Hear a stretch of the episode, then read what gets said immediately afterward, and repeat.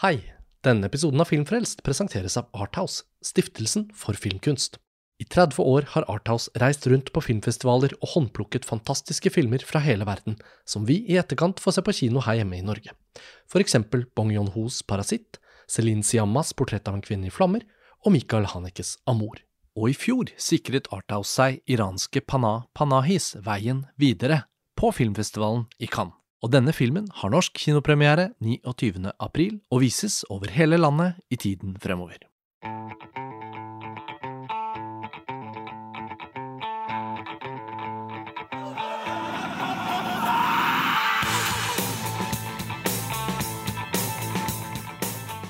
Hei, og velkommen til en ny episode av Filmfrelst, podkasten fra filmtidsskriftet montasj.no. Mitt navn er Karsten Meinick, og i dag fortsetter vi vår serie Forbudt på kino. I de to foregående episodene har vi møtt tidligere kinodirektør i Oslo, Ingeborg Moreus Hansen, og Crash-regissør David Cronenberg. I vår tredje samtale i denne serien skal vi møte filmdistributør Åge Hoffart. Hoffart er en bransjeveteran som begynte sitt arbeid allerede tidlig på 1980-tallet, men i denne sammenhengen er han særlig sentral som distributør i selskapet Europafilm på 1990-tallet, med ansvar for nettopp Cronenbergs Crash. Åge Hoffart er også kjent for sitt arbeid i Orofilm tidlig på 2000-tallet, og senest som sjef for kinoavdelingen i SF Norge frem til 2017. Vi kontaktet Toffert for å høre hans refleksjoner og minner om tiden da Crash ble forbudt i Oslo, men med tanke på hans omfangsrike kunnskap og erfaring fra kinobransjen, var vi også overbevist om at Åge kunne hjelpe oss å få litt bedre bilde av hva som ledet opp til denne epoken på 1990-tallet. Så da ble vi invitert på hjemmekontoret til Åge Hoffart i Oslo, og fikk satt oss ned med ham for en samtale om alle disse temaene, med mer. Åge Hoffart, takk for at du ønsket oss velkommen her, opp på Røa, hvor du holder til. Bare hyggelig. Når fikk du din liksom, start i norsk filmbransje, og hvordan så norsk filmkultur ut da du liksom, tok dine første steg inn i film? Jeg har vel en egentlig sånn dobbel variant av det. fordi at eh, på en måte så har jeg litt Cinema Paradiso-bakgrunn. Jeg starta som eh, kinomaskinist da jeg var 14, og fikk lov til å Oi. kjøre 18-årsfilmer og sånn på den tida der. Hvor vokste du opp da? I Numedal. Så dette Ja. var på Rødberg, som er ti mil fra Kongsberg nesten. Så da, og den jobben fikk jeg faktisk fordi at jeg da allerede var ganske filminteressert og abonnerte på film og kino. Mm. Og moren til kinosjefen var satt på posten og så jo hva alt alle fikk. Så hun sa da til sønnen sin ja, hvis du skal, skal hjelpe deg på kinoen, så må du snakke med han Hoffart-gutten, for han abonnerer på et sånt filmblad. så dermed så starta jeg på den måten der, og det holdt jeg på med en stund. Og så gikk jeg på folkehøyskole på, i Søgne, hvor vi da stort sett holdt på med film hele tida. Og så var det filmvitenskap i Stockholm som da lokka. Det var jo kjempegøy. Jeg var jo virkelig kunne få sett de filmene som jeg bare hadde lest om. Dette var i 78 og 79. Ja. Da jeg kom dit, så var det såpass ferskt at ingen av de som underviste, hadde doktorert i noe som helst. Det, at det, det, var, eh, det var helt tverrfaglig og helt andre ting som var det. Det var folk som hadde jobba med historie og forskjellige andre ting. Blant annet Bjørn Heggquist hadde jeg som lærer der borte, og han hadde jo da han hadde jo forska på pornofilm i ti år. Og som han fortalte oss, det er tråkigt. Men mitt inntrykk har jo alltid vært at svensk filmkultur i så mange tiår har ligget milevis foran Norge. Eh, De hadde den store kunstneren, selvfølgelig Bergman, men det var jo ikke bare han. De hadde jo en stumfilmkunst, Sjøstrøm, de hadde jo så mange ting i sin filmkultur som tilsa at Norge kanskje aldri kom til å strekke seg. Og så per i dag, 2022, så kan man jo se på hva som skjer i Norden, og egentlig ikke se så store juv mellom landene. Men da du som ung filminteressert student i Stockholm på slutten av 70-tallet, hvordan var din liksom selvtillit på vegne av liksom norsk filmkultur versus det du Altså, så? den, den var jo ikke veldig stor på den tida der. Altså, vi snakker slutten av 70-tallet. Vi hadde liksom gått igjennom eh, veldig mye sosialrealisme. Og, og norsk film som begrep sto jo ikke akkurat høyt i kurs blant folk. Men det hadde jo vært noen veldig store altså Tre år før jeg gikk, så kom jo den største suksessen gjennom tidene i norsk film, nemlig Flåklypa. Ja.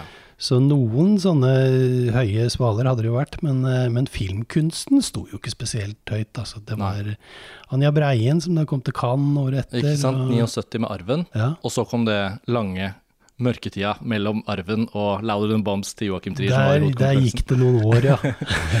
Men så kommer du hjem fra Stockholm, eller jeg vet ikke hvor du Jeg kom hjem fra det? Stockholm, og så, så jobba jeg en stund i Filmklubbforbundet og i Filmforbundet.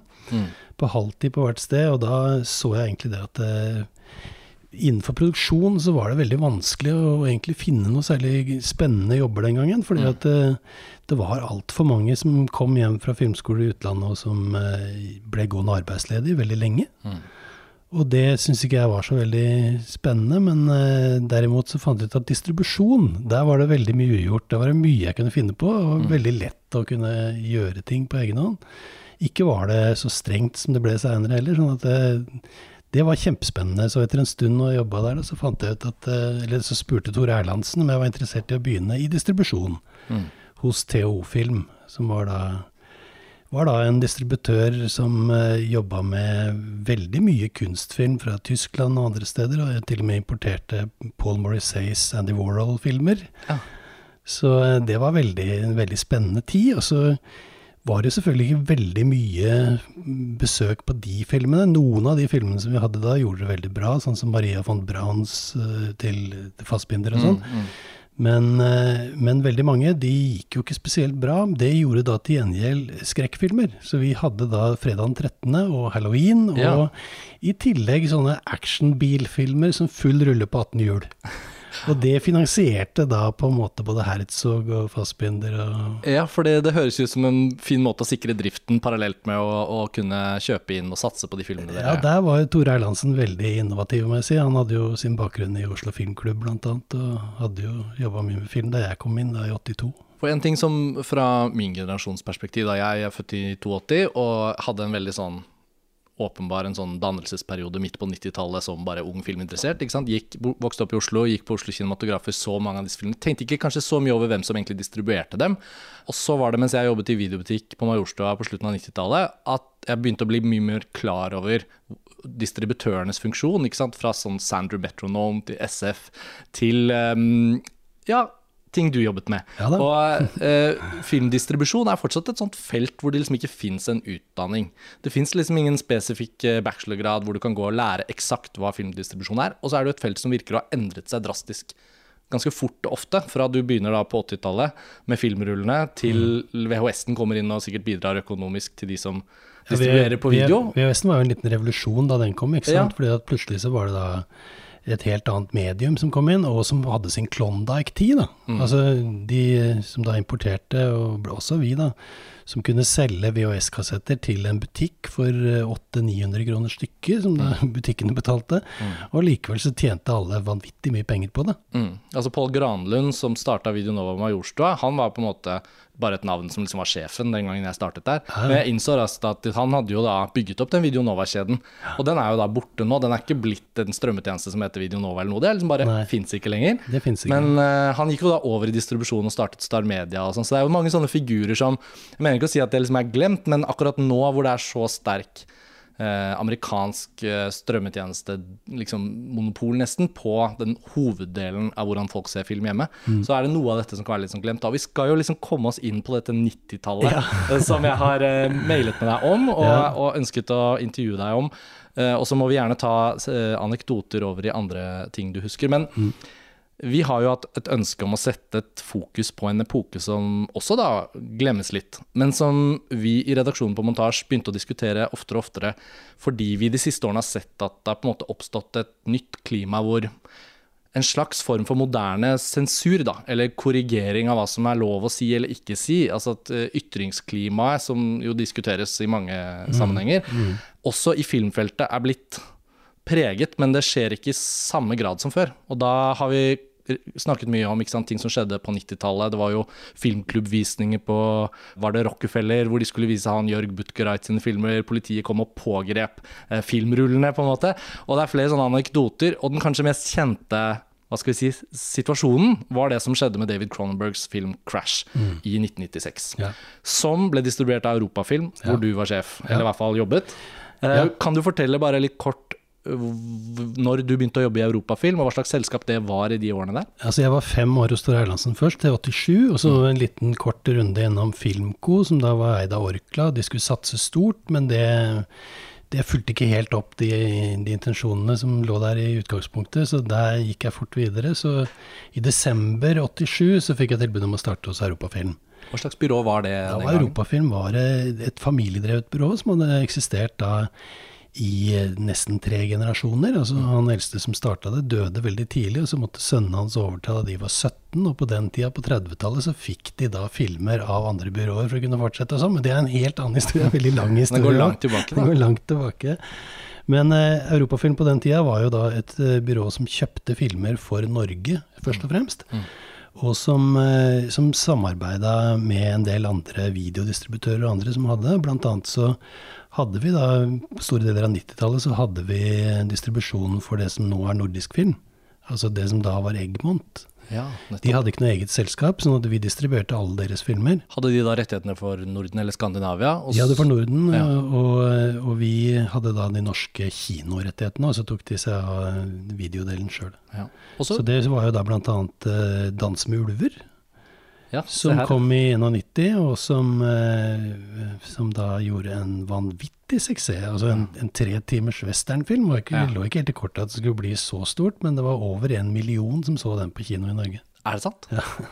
Dette er sånne tall som på en måte vi ikke har tilgang på lenger. Altså. Ja, det er helt vilt. Det, hva... Den gangen så telte man jo heller ikke besøk, man telte bare penger. Oh, ja. Og så gikk man over til å telle besøk i Norge senere, for i Amerika teller du jo fortsatt penger. Ja, det, ja. I Amerika syns de det er veldig fint, for da øker det hele tida. Ja. Altså, jeg er jo så glad for at vi teller besøk, fordi da kan man faktisk sammenligne. Ja. Um, men altså, det var overraskende stort tall. Men da må jo dere også rent økonomisk ha blitt en kraft? På den tida der så fungerte det veldig bra. Vi hadde en fantastisk weekend med alle respektive i Paris, husker jeg, etter at den filmen hadde gått opp. Så ja. jo da, vi gjorde det veldig bra da en stund. Og vi hadde også den engelske pasienten, som også hadde over en halv million besøk. 550 000 omtrent. Ja, wow. Så det var jo også store filmer, og det var også på 90-tallet. Eh, så vi holdt på med de filmene som de da hadde kjøpt inn for, for Egmont, eller Nordisk Film, da, fram ja. til de etablerte seg på egen hånd. Så da har dere mm, et byrå med et visst antall ansatte, mm. ganske mange filmer, kan det ja. høres ut som. Og så mm, er jo da kulturen på 90-tallet preget av ulike elementer da, for å spisse oss inn på dette med filmsensuren. Mm. Altså, vi har fortsatt en kinolov i Norge. Ja. Eh, Statens filmkontroll tar inn alle disse rullene, ser mm. gjennom filmer, foreslår eventuelle klipp. Det er jo den eh, på, tidlig på 80-tallet den ikoniske hendelsen med Life of Brian som, eh, som også er med å liksom illustrere litt den tonen Norge hadde da på 80-tallet. Men så kom jo moderniteten skyldende, og så vet vi jo at videovold og alle disse begrepene, videonasties, VHS-en var jo også en sånn friarena for alt det eh, skumle og uhyggelige. Og for da unge mennesker, inkludert min generasjon som vokste opp, så var jo VHS-en et sted å gå til ja. for å se filmer som kanskje hadde 18-årsgrense, men som ikke man kom inn på kino for å se. Ja, også fordi at de ble jo vurdert etter forskjellige kriterier. Altså Man hadde kinoloven da 1913, som da styrte alt som skulle på kino, mens man eh, vurderte de andre VHS ble vurdert etter straffeloven. Og det var to vidt forskjellige ting. Ja. Man kunne vise veldig mange ting på, på, VHS som man da absolutt ikke kunne vise på kino. Og en annen ting også som påvirka egentlig den sensureringen der i veldig stor grad, var at eh, de aller fleste kinoene på den tida der, i hvert fall de største, var da kommunalt eid. Mm. Og det er jo grunnen til at vi i Norge f.eks. aldri så noen sånn pornokinoer som man mm. hadde i Sverige og ikke minst i Danmark. Fordi det var kommunene som drev kinoene, og akkurat å drive og spekulere i porno var ikke noe som de skulle gjøre. Nei, Det ble litt politisk så, også. Så det ble en slags politisk og, en moralsk sensur av ganske mange filmer som da ikke kom til Norge, fordi det var ikke på tanken engang at det, man skulle sette opp noe sånt på kino. Så det, det, er to forskjellige typer sensur. Den ene er liksom sensuren av volden, som da foregikk på Medietilsynet, mm. eh, som var ganske streng. Og eh, det var den til langt ut på 90-tallet, egentlig. Eh, hvis det var for voldelige innslag, så ville de klippe. Og det, på et eller annet tidspunkt så slutta de faktisk med å gjøre det sjøl. Bare sa nei, den er hvit. Altså hvit sensur, forbudt. Mm. Så da kunne man ikke vise den på kino uh, i hele tatt. Så da hendte det at vi måtte sette oss ned med, med klippebordet og forsøke å se hvilke scener er vi tror at uh, Medietilsynet, ikke, eller Filmkontrollen som det het da, ikke vil ha med. Så jeg har sittet med f.eks. en film som Extreme Prejudice og gått gjennom de seks rullene som den besto av, og forsøkt å finne ut av hva er det vi kan ta vekk her. Og da snakker vi altså 35 mm optisk film. Og siden du kan en del av dette, så vet du jo da at da viser man altså både bilde og lyd er da optiske fenomener på en filmrull. Eh, lyden ligger da, fordi den skal gå jevnt over lydsporet, så ligger den 18 bilder foran, mens bildene som trekkes fram ett og ett, rykkvis, de ligger da 18 bilder bak. Og hvis du da skal gjøre noe klipp, så er jo ikke lyd og bilde på samme sted heller. Så, og I tillegg så må du da forsøke å dempe ned, så da var det mye å sitte med saks og i klippebord og gå fram og tilbake, og så finne ok, det må bli klipp, klipppunktet. Og så sitte med svart tusj og tusje over lyden, sånn at man da fikk det til å ikke bråke for mye. Ja, dette er jo fascinerende å få høre hvor, hvor, praktisk det var, da. Og jeg tenker jo at i tillegg så var det vel ikke noe snakk om å ha noe dialog da med de filmskaperne som eventuelt hadde laget dette, ikke sant. Da er jo det for lengst long gone for dem. Det er long gone. Og de vet hadde, ikke at i Norge ingen... så kanskje forsvinner den brystvorten der. Det, det visste de ingenting om. og i tillegg så tror jeg at uh, det gikk jo noen rykter om ting, filmer som ikke var hos oss også, som ble behandla på litt annen måte. da. Det gikk rykter om at noen som jobba i et annet filmbyrå, som hadde Diva, syntes at det var altfor mye opera i den filmen. Og at man da i de, de kopiene som ikke gikk i Oslo, så bare kutta ned litt på den. Ja. Altså, det er rart å tenke på hvor Om det ikke er sant, så er det i hvert fall en god historie. Ja, det er en god historie. Altså, det er den Jean-Jacques Benet-filmen eh, de òg, ikke sant. Ja. Han gikk jo akkurat bort, han. Var sånn, ja, han var jo en filmskaper som fra europeisk hold lagde en del filmer som Lagde veldig mye spennende, mye men akkurat Diva er ikke en film som står seg veldig godt i dag. Altså. Den, den, må jeg si jeg falma veldig. Men for dere i Europafilm da, på 90-tallet, da. Mm. Uh, før vi nærmer oss 96 og Crash til Cronenberg, mm. så må det jo ha vært en del filmer på deres bord som touchet på dette feltet, hvor det kanskje kan vippe. ikke sant? Er. Husker du noen tilfeller hvor dere hadde film som det ble kontroverser rundt, eller som dere internt hadde en sånn diskusjon rundt som var sånn oi? Det hadde vi allerede fra den tida jeg jobba hos Tor Erlandsen, altså ITO-film fra på slutten da, eller midten av 80-tallet. Mm.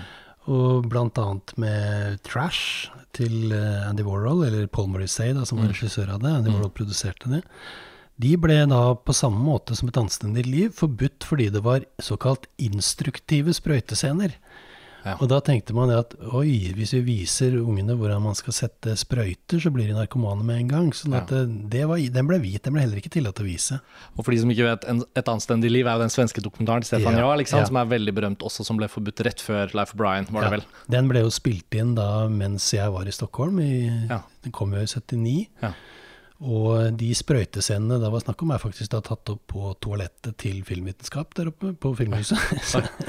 Sprøtt. det var, det var noe, altså. Men hvordan forholdt dere det liksom til det elementet? da? For det må ha vært en normal del av arbeidet som distributør, at dere visste mm. at dere hadde den filmkontrollen, dere måtte mm. forholde dere til det hele tiden. Men ja. dere må jo også ha følt at de filmene dere kanskje da så første gang på festival et sted, og tenkte den skal til Norge, mm. den kommer vi til å kjempe for, og at dere vet at den kanskje får, det, får, den lille knekken eller får den lille bremsen. Var det noe dere på en måte opponerte mot? Hvordan var den debatten den gang? Var det liksom bare aksept for det? Ja, det var på en måte aksept for det på ett vis, da. At, men ofte så gikk man jo inn og så kjøpte filmene likevel, og så hadde man en sensorklausul, som det het, altså i, i, kontrakten din. Altså at mm. hvis denne her ikke blir godkjent, så kan vi heve kontrakten.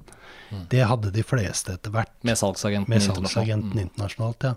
Så at du kunne komme unna med det, men da hadde du allerede lagt ned ganske mye arbeid, og du hadde en film som du gjerne ville sette opp? Mm. som du hadde troa på at skulle kunne fungere. Men selv om da noen da mente at den var litt for voldelig, så man forsøkte jo ofte, da. Og så lenge filmkontrollen uh, klipte på egen hånd, sånn som de gjorde da på, uh, på begynnelsen av 80-tallet, så, uh, så, kunne jo de bare si De klipte fem meter av akt tre, og blodig nedslakting forkortet fem meter, sånn som det pleide å stå der.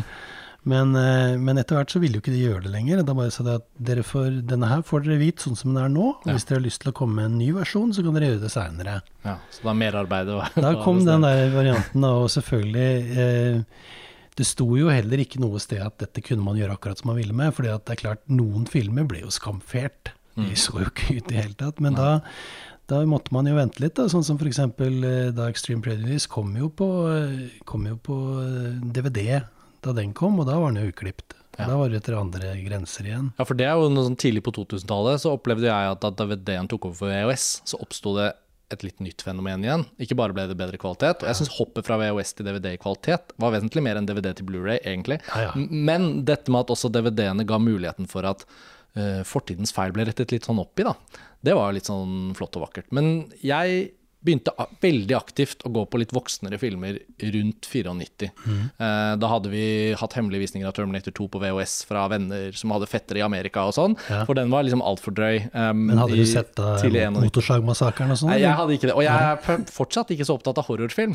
Men, men så er det en sånn periode der hvor Tarantino er noe man leser om i filmblader. Reservoir Dogs selvfølgelig, og Pop Fiction. Og akkurat omtrent da så merker jeg at jeg egentlig vil gjerne se alle de filmene. Og nesten alle hadde 15- eller 18-årsgrense. Ja, vi Og- importerte da Reservoir Dogs, eh, som fordi ingen kinosjefer klarte å uttale navnet, da ble hetende De hensynsløse Ja, det på husker jeg den het på norsk. Så hvordan, uh, altså, ta, ta oss med på den, da, for Tarantino var jo selvfølgelig da en figur i den debatten, Ja. og en av de mer mainstream skikkelsene i den videovold-debatten der på 90-tallet. Ja. Nei, den, den filmen var jo selv etter datidens standard ganske brutal. Fordi at den, den det var ikke bare at den viste så veldig blodige ting, men den, den var ganske rå i uttrykket sitt, og er det jo fortsatt. Det er ikke så, det ser ikke så pent ut, og du får ikke noen gode følelser når noen begynner å kutte av ører og sånn. Det, det er ganske stygt. Så jeg, jeg syns jo den filmen var eh, veldig vanskelig å forholde seg til, men allikevel, det var jo såpass bra at vi måtte jo bare gjøre noe med det. Hvor stort var fenomenet rundt Tarantino da i starten? Følte du at han var liksom Det var en veldig hype i Cannes, eh, og det ble jo rapportert hjem om at han var liksom det, det som alle har merket til i Cannes det året. Ja. Så eh, de var jo, vi ville jo veldig gjerne ha filmen opp. Så eh, den gikk vel til slutt opp med 18-årsgrense. Hvordan gikk den i Norge i sin tid, da? Den gikk, Hvis du ganske, den gikk ganske greit, altså. Den, eh, den ble sett av ganske mange. Ja. Ikke noe sånn 100 000, men i forhold til hva vi hadde, så var det jo ganske mange. Eh, jeg vet at du har lyst til å snakke litt om Crash, og den er jo veldig naturlig å ta opp i denne sammenhengen her. Ja. Fordi det var jo en film som da ikke eh, fikk noe problem med sensuren, og som også kom fra Cannes. Den hadde jo vært vist i Cannes i hovedkonkurransen. Ja, for jeg hadde egentlig veldig lyst til at vi liksom skulle på en måte zoome inn på ditt minne av det. da, Mai 1996. Du jobber med distribusjon, du har europafilm, du har liksom Du begynner jo å bli en, en Altså du har mye erfaring, selv om du da har jobbet kanskje 10 pluss ca. 10 år.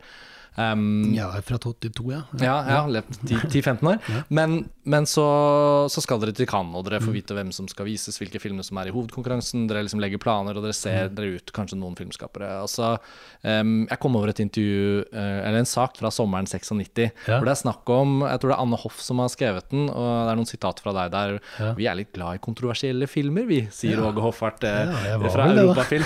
Og da har dere From Dusk Till Dawn, Ja. Larry Clarks Kids Ja. Og uh, David Cronenbergs Crash. Mm. Men de har ikke blitt vist Eller altså Crash har ikke blitt vist i Haugesund ennå, men dere har på en måte kommet hjem fra Cannes Ja, ja. omtrent. Ja. Men hvis du spoler tilbake og bare tar meg med på den festivalen igjen, da. Våre lyttere har jo hørt oss fra montasje rapportere fra de siste årenes Cannes-festival, siden vi begynte å dra dit i 2011. Men, um, men i 96 så får jo Cronenberg etter hvert en pris, og filmen skaper jo kontroverser, ikke bare i Norge etter hvert, men det var jo en dypt kontroversiell film også den Ja, gang. ja, Kan du bare si litt om forventningene? Visste dere at den kom til å være kontroversiell? Hva var ditt forhold til Cronenberg? Vi visste jo at den kom til å være kontroversiell. Vi hadde jo hatt uh, altså, Jeg husker noe av det første som jeg gjorde av andre ting i bransjen, var å oversette uh, Dead Ringers. Det Ja. er norsk. Og den, eh, den Hva var den norske tittelen? Tvillingskjebner? Tvillingskjebner. Ja. Husker det coveret med de Den, to eh, øynene? den ble til på en visning med masse folk og litt vin. Med der hendte det det ble noen gode titler. Ja. Eh, nei, den, de, han hadde jo lagd flere kontroversielle filmer. Altså, det var jo ikke første gangen. Så vi visste jo hva Cronenberg sto for, men jeg syns jo at eh, han var en ekstremt fascinerende filmskaper. Og gjorde, lagde veldig mange flotte filmer altså, som jeg syns ble helt suggerende dratt inn i. Mm. Og det syns jeg var grunn god nok til at vi skulle sette den opp. Og det, ja, det var jo eh, Videodrome hadde jo ikke vært ute på, eh, på kino, så vidt jeg husker. Ja. Den gikk vel bare rett på VHS. Men Fluen og sånn, var den populær? Den må jeg ha vært ganske Den populær. gikk ganske ok. Ja. Og så, var det den eh, Burroughs-filmatiseringa. Ja, Naked Lunch, ja. Lunch hadde vi jo Husker du over hvilket år det var? Det var, ja, det var vel like før. ikke det rett før? Jo, jo, tror det. For den hadde vi hatt på kino. eh, på, og gjorde ca. 20 000 besøk den gangen. Ja. Som Så dere hadde hatt Cronenberg-filmer også hatt tidligere? Cronenberg Mm. tidligere. Mm. Ja. Sånn at, eh, og dette var jo også i samarbeid da med Jeg tror vel at den også var i samarbeid med Nordisk den gangen, da vi skulle kjøpe Crash. Så Ja. ble det gjort uh, Ble det gjort den etter at dere så den i Cannes, eller var den forhåndskjøpt? Uh, Tror du? Den tror jeg vi hadde en opsjon på på forhånd, Ja. hvis jeg ikke husker feil. Ja. Det begynner å bli noen år siden. Husker du den første visningen, eller stemningen i Cannes? Da dere så Nei, jeg husker det var utrolig Det var litt sånn elektrisk, det, altså, Mm. å se på den. Og, men så kom vi jo hjem igjen, da, og så ble det jo en kjempediskusjon hjemme her. Mm. Og eh, den gikk jo først og fremst ut fra over at Eller det som starta den diskusjonen, var jo da at folk var kjempeinteressert i å se den, og hadde hørt om den fra Cannes. Og så sa da eh, den som var eh, filmsjef i Oslo Kinematografer den gangen, det var Ingeborg Mørhus Hansen, sa at den filmen her, den ville vi ikke sette opp. Hadde det skjedd før? Var dere vant med den Det hadde skjedd noen ganger, men det var jo ofte av filmer som kanskje ikke hadde all verdens kvalitet, som ble dytta vekk. Eh, noen sånn som hadde litt mer kommersielt potensial, ble også iblant sagt nei til, sånn som eh, Den blå lagune, husker jeg bare gikk opp i Bergen og ikke i Oi. Oslo. Fordi man syntes at den var litt lummer. Ja, nettopp. Men akkurat denne her, da, så eh, Jeg vet at det var en del spekulasjoner og folk som eh, spekulerte i det at nei, men mannen til Ingeborg har nettopp blitt påkjørt, og det er, det er grunnen til at den ikke vil sette den opp. Det vil ikke jeg påstå i det hele tatt, fordi det syns jeg er litt spekulativt. eh, Fordi jeg tror nok at hun den gangen bare syntes at den filmen, den klarte hun ikke å anbefale for noen. Nei. Hun syns ikke noe om den filmen, syntes den var litt ekkel og motbydelig, og, og ville ikke at den skulle anbefales for, eh, for hennes publikum, som altså var i Oslo. Så, så hun sa at den vil vi ikke sette opp, og da sa jeg at ok, da er det min jobb å lage mest mulig bråk rundt det. Ja, du gjør din jobb, jeg gjør min. Ja. Det var fortsatt et godt samarbeidsklima på de andre filmene, men den filmen ville en da rett og slett ikke sette opp. Og da hadde vi eh, Det var jo ikke en mediesituasjon som, som det er i dag. sånn at det, for å kunne se hva som var skrevet i avisene, så måtte du abonnere på en tjeneste med et Argus. Og Argus de hadde da masse folk som satt og klippte ut artikler fra avisene, limte dem opp på papir og sendte dem til de som hadde bedt om det. Så vi abonnerte da på Argus, og hadde abonnert på, eh, på at de skulle bruke Cronenberg som, eh, som Crash da, som en av de tingene de skulle passe på for oss.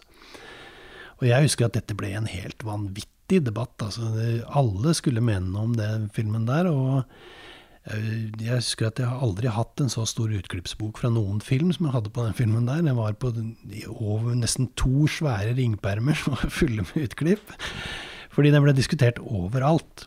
Men når da uh, markedet for uh, litt kunstnerisk ambisiøse filmer stort sett da besto 50% av Oslo, så når da den største kinoen sier nei, så, så betyr jo det at eh, økonomisk sett så blir det veldig vanskelig å få ting til å gå rundt. Mm. Og det var jo også noen andre mindre kinoer rundt omkring i landet som heller ikke ville sette den opp. Men det var vi jo egentlig ganske vant til på mye andre filmer også, fordi de, det var ikke alle kinoene som viste film hver dag, og som kunne sette opp alt mulig. Sånn er det jo fortsatt.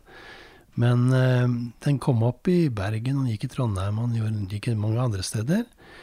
Og den gjorde omtrent like mye som Naked Lunch på kino. Altså det var omtrent like mange som så den. Mm. Altså, for å få med enda litt flere detaljer om akkurat den prosessen, så, så er jo da filmfestivalen i Haugesund fortsatt et sted litt sånn etter Cannes, uh, hvor norsk kinobransje møtes. Også selvfølgelig et publikum. Den er en særlig viktig festival for bransjen. Utdelingen av Amanda-prisen. Men det kanskje mange ikke vet, er jo også at norske kinosjefer samles og ofte får et sånt felles samtaleklima rundt det som er av ny film. En liten markedsplass, hvor dere som distributører da kommer og viser frem. Og da var jo det det stedet hvor Crash antageligvis ble vist første gang for Ja, en større gruppe kinosjefer. Dette var jo et utstillingsvindu, og det, det er det jo fortsatt et slags utstillingsvindu. Det var bare at den gangen så var det vinduet det varte mye lenger. Fordi en film kunne da vises i Cannes, og så kunne den ha premiere i Norge i november eller desember. Eh, ofte så tok det ganske lang tid fra en film hadde premiere til den gikk opp på norske kinoer. Det er jo totalt forandra nå, for nå er det jo day-date-visning over hele verden. sånn at hvis en stor film skal gå opp i, i Norge, så gjør den det på samme dag som man gjør det i, i USA, eller i hvert fall innenfor samme uka. Det er jo, kan si mye om det også, blant annet betyr det at vi ikke får besøk av folk lenger.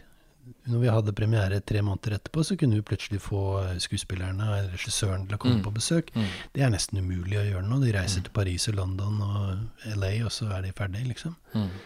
Men eh, jo, den ble vist da for kinosjefene, og Var du der på den visningen da, første gangen? Ja. de så den? Hun var vel det.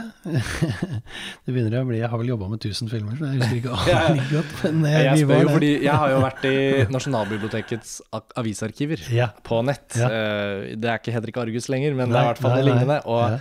jeg må jo innrømme at jeg husker fra, min, altså fra å være filminteressert tenåring, så Mm. husker jeg veldig godt den følelsen da på 90-tallet at disse filmene som kanskje hadde 18-årsgrense, som det var litt sånn Du måtte trikse det til litt for å få Mm. kommet deg inn.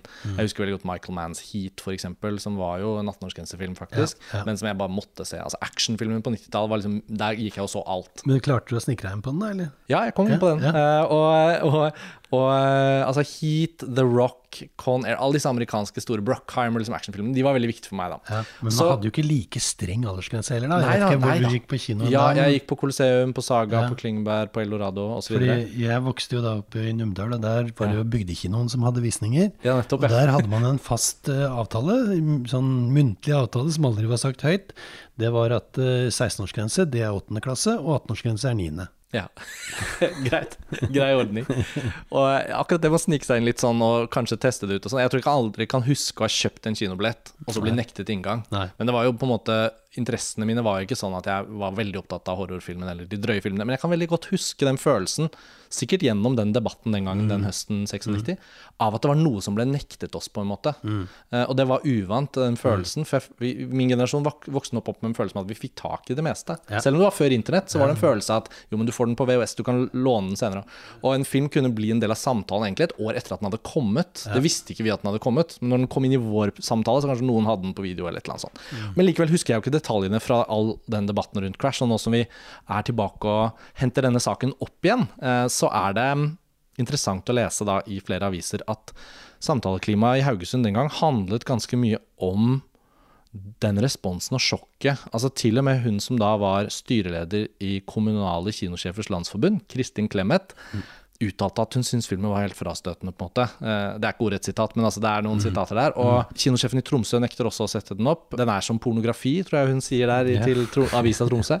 Og det omtales jo som en sensur av filmen som helhet. Og du er jo inne på det at det selvfølgelig er et langstrakt land, det er andre byer å sette den opp i. Men grunnen til at man brukte det begrepet, også for å få presse selvfølgelig, men også en del av kjernen i debatten. Altså Skavlans første program Absolutt har det jo som en sak. Cronenberg er med på telefonen og er helt forferdet over det som skjer i Norge, ikke sant? Til telefonen var jeg med på ukeslutt. Ja, altså så det var vi som ordna, for da sa vi at ok, da må vi få en debatt her, da. Så vi ringte da til produsenten og fikk de til å Cronenberg kunne stille opp, selv om det var på et helt annet tidspunkt. Han satt i Canada.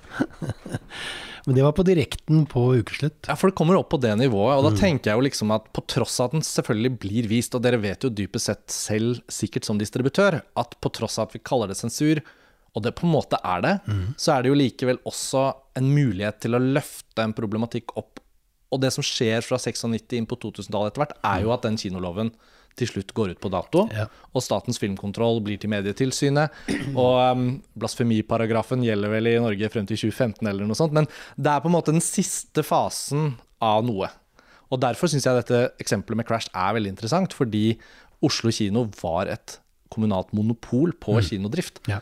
Og det satte jo også noen sperrer. Det var jo ikke private kinoer. Det var jo, ja, dere hadde muligheten på Cinemateket og Sentrum Scene. Ja. Bare, hva, hva tenker du om den saken, sånn som du ser tilbake på det nå, som mye har endret seg siden den gang? Ja, Det som jo har vært veldig mye har endret seg, og vi kan jo si, kan vi sammenligne litt med Sovjetunionen. liksom, at Sovjetunionens fall, som da var omtrent på samme tida, litt tidligere. Så Før så hadde man hatt liksom en veldig stor styring av folk. altså Noen satt i noen posisjoner hvor de kunne styre og mene hva, hva folk skulle se, hva de skulle gjøre, og så indirekte også litt hva de burde mene. Og det, det endra seg jo veldig rundt den tida der, altså hvor det plutselig det, det ble ikke sånn at man hadde én kinosjef som bestemte hele repertoaret overalt, men etter hvert, og da snakker vi om ti år seinere, så ble det mer, flere og flere kjeder. Men det gjør jo egentlig ikke sensurproblematikken så veldig mye forskjellig. Da. For at jeg husker at da jeg starta med Orofilm, som jeg da starta etter at jeg hadde vært i Europafilm, så var jo en av argumentene mine overfor eh, salgsselskapene var jo det at i Norge så har vi et kommunalt kinomonopol. Det betyr at jeg har akkurat samme tilgang på kinoene i Norge med mitt lille nystarta selskap som de største selskapene som Warner og alle de Mm. andre. Fordi det er et kommunalt kinomonopol, så har vi den samme tilgangen. Vi, vi gjør ikke en avtale med en kjede som skal bestemme at vi skal bare kjøre kommersielt. Mm. Men det endra seg jo veldig fort også over den samme tida. Altså, Man gikk jo fra å ha den derre litt sånn mentalt sett, i hvert fall styring som var eh, nærmest sovjet-tankegang. Og det var jo altså på en eh, svensk, eh, svensk statsråd som mente at Norge var den siste sovjetstaten, ganske Ja, langt ut på Det sitatet har 2000-tallet. Nei, men det, det, var, det var en stor endring, og den var, den var på en måte både politisk og mentalt og, eh, Mm. i veldig mange deler av samfunnet også, tror jeg. At det, det skjedde en endring som gjorde at nei, vi godtar ikke den type sensur lenger. Nei. Men var det noen fordeler med kinomonopolet sånn som det var den gangen, som forsvant med privatiseringen, liksom? Syns du For du har jo observert kinokulturen i Norge i alle disse årene, og fortsatt uh, gjør du jo det. Altså at hele den situasjonen rundt Crash, det var jo for så vidt en mulighet til all PR er god PR. Og vi sitter jo og snakker om den hendelsen i dag, og Altså, det er jo nesten ikke noe som er bedre hvis du skal lage markedsføring av noe, enn at noen ikke vil la deg få lov til å se noe. nettopp. Altså, det er det beste du kan ha. Mange publikummere følte nok også at oi, hvis de sier jeg ikke kan få se den, så vil da jeg i hvert fall se den. Men, um, men, uh, men likevel så tenker jeg i hvert fall syns at det vi ser nå, er jo på en måte Det er mindre oversiktlig Mm. Å få øye på hva er det som f.eks. ikke settes opp på kino. Det er jo ikke nødvendigvis pga. sensur, men det kan jo ha noe med hvordan markedet også endrer seg. Hele disse, alle disse flatene, og vi kan jo ikke gå inn på hele den se film hjemmefra. Nei, men vi kan, vi sånn, kan men- godt se litt på det der som var det kommunale kinomonopolet, og fordelene med det. For Ja. det var jo faktisk noen fordeler med det. Ja, det må det jo ha vært. Det ene, det, det ene var en sånn teknisk greie som går på tiden, og ikke på at det var kommunalt kinomonopol, og så ble det noe annet. Det- Det var fordi, nettopp fordi det var 35 mm. En kopi ferdig teksta med en 35 mm-film kosta fort 25 000, og det var ganske mye penger. Det betydde at hvis du skulle lansere en film, så var selve kopiutgiften, altså til å kjøpe disse filmkopiene, var veldig stor. Eh, og da gikk det jo ikke så stort ut med filmene. Så kan si det, For å si det veldig enkelt, så var det sånn at den gangen så, så trengte kinoene film.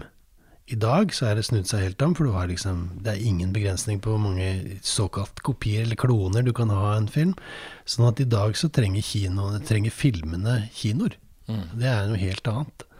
Så det, den maktbalansen der da, mellom de som eh, på en måte sto for forlagsdriften, hvis du skal snakke i boktermer, som altså er filmbyråene, og de som er selgerne, som altså bokhandlerne eller kinoene, den har endra seg veldig. Den har gått altså fra de som satt og har styrte rettighetene, som var filmbyråene, til kinoene, som i mye større grad i dag kan bestemme hva de har lyst til å vise når, osv.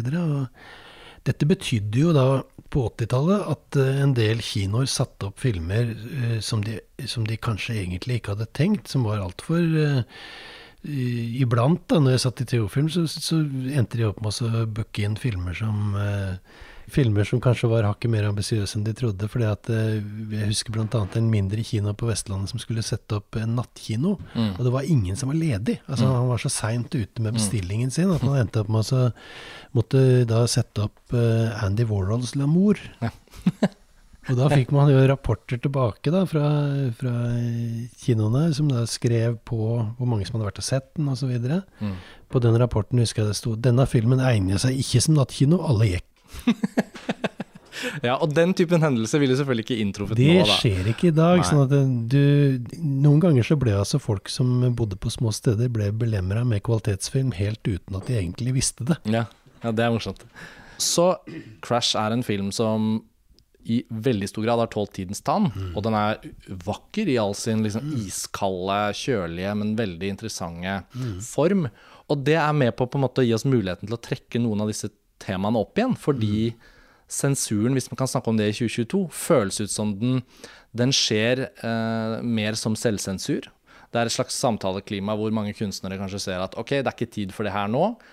Og hvis noen ønsker å angripe et kunstverk, så er det ofte sånn at de tar kunstneren. At uh, nei, nå er det ikke lov med den kunstnerens kunstverk lenger. Ja. Og så alt den kunstneren har laget fra start til slutt, Ja. er på en måte ikke lov lenger. Og Ingeborg Moreus Hansen, da vi snakket med henne, var veldig opptatt av at hun gjerne viste Cronenberg-filmer. Ja. Det er ikke David Cronenberg det er et problem med, men akkurat den filmen Ja, ja, ja. ville hun ikke vise. Jo, men og altså, det vi skiftet ser det samme nå med Woody Allen, for eksempel. ja, Altså, ikke sant? Og hun han elsket Woody Allen og hadde anekdoter om han også. Jeg bare tenkte, om vi skulle ha et par siste ting å snakke om nå, så Ja. vil jeg gjerne eh, liksom spørre hva du tenker om det. At det, jeg sier ikke at det er sånn det er, men det er min teori litt ut fra hva vi har observert, er at vi kan ha et litt mer sånt klima nå, hvor det kan være enkelte kunstnere som på en måte blir ulovlig. Mm. Og da er det som om du ikke kan snakke om Manhattan av Woody Allen lenger, på en måte. Altså, men merkelig nok, det er jo en del av filmhistorien vår. Det er jo Altså- absolutt en del av filmhistorien vår, og det er jo fortsatt en, en veldig bra film i dag. Jeg så den faktisk for et par måneder siden. Ja.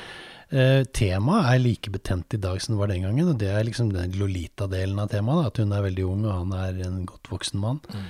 Men, eh, men filmen er jo strålende. Alt fra de første svart-hvitt-bildene i Manhattan Ja, og ja, og videre. musikken. Og musikken, ikke minst. Det er jo 'Rhapsody in Blue'. Men Woody Allen er jo et eksempel hvor man tenker at er det sånn vi kan hente fram Crash nå og sette opp en spesialvisning av den og ha premiere i Oslo. Og det er det sannsynligvis ingen protester mot. Nei. For David Cronenberg på en måte er jo ikke blitt en kunstner i 2022 som, som er ulovlig. Mens hvis man skulle satt opp en spesialvisning av en restaurert versjon av Manhattan til Woody Allen f.eks., Ja. Så ikke det at jeg personlig ville synes at det ville vært problematisk, men da stopper man litt opp pga. samtaleklimaet og tenker Ja, er det noe man kan gjøre, er det, er det musikalsk å gjøre det nå, osv. Og, så videre, og det Jeg- føler jeg er blitt et problem nok til at det har vært en ny debatt. Jeg syns det er et veldig stort problem, fordi for meg så minner dette her mye mer om bokbål. Altså. Man skal Mm. nekte å ta vekk ting. Altså. Og da ikke nødvendigvis det som man da vil argumentere mot at ikke er passende av en eller annen grunn, men alt. Altså, Mm. Det er personen du skal ta, og der, dermed så er alt han har vært borti, det er da elendig. Vi har jo hatt noen lignende debatter før også, om Hamsun bl.a., men, men jeg syns det er mye, mye verre i dag. Samtidig så er det jo blitt uh, mye mindre enkelt i et demokrati å kunne sensurere på, eh, på kinosida, i hvert fall. Fordi at eh, hvis vi går tilbake til dette 90-tallet, så var det jo da bare én kino i hver by i hele Norge.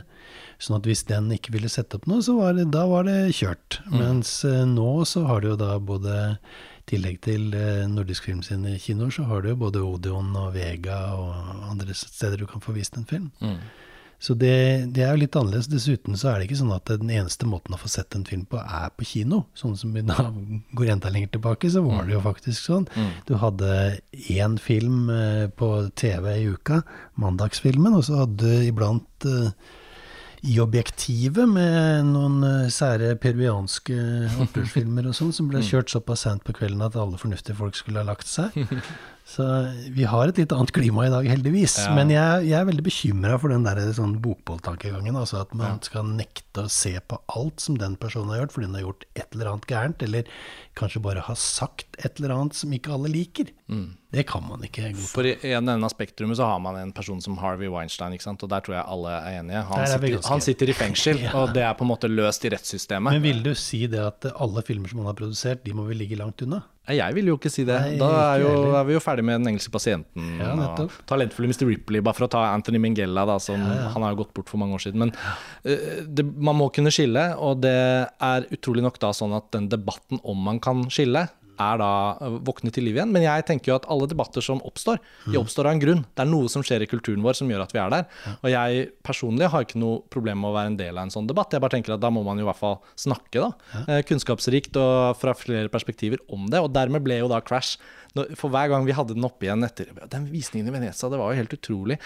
Og tenk at den aldri har liksom hatt den offisielle Oslo-premieren, da. Så nå syns vi anledningen bød seg. Ja, Jeg, jeg syns jo dette er helt fantastisk. Ja. Altså, all kred Ja, til for at dere har gjort dette. Jeg kommer til å komme. invitert. Og alle, da ses vi på kino, da. ja, vi gjør det. Ja. Åge, tusen takk for tiden din. Takk for det. Ha det bra.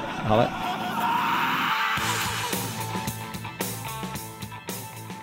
Takk for at dere hørte episoden vår, og følg med videre på Filmfrelst etter hvert som vi fortsetter å publisere episoder i denne serien Forbudt på kino.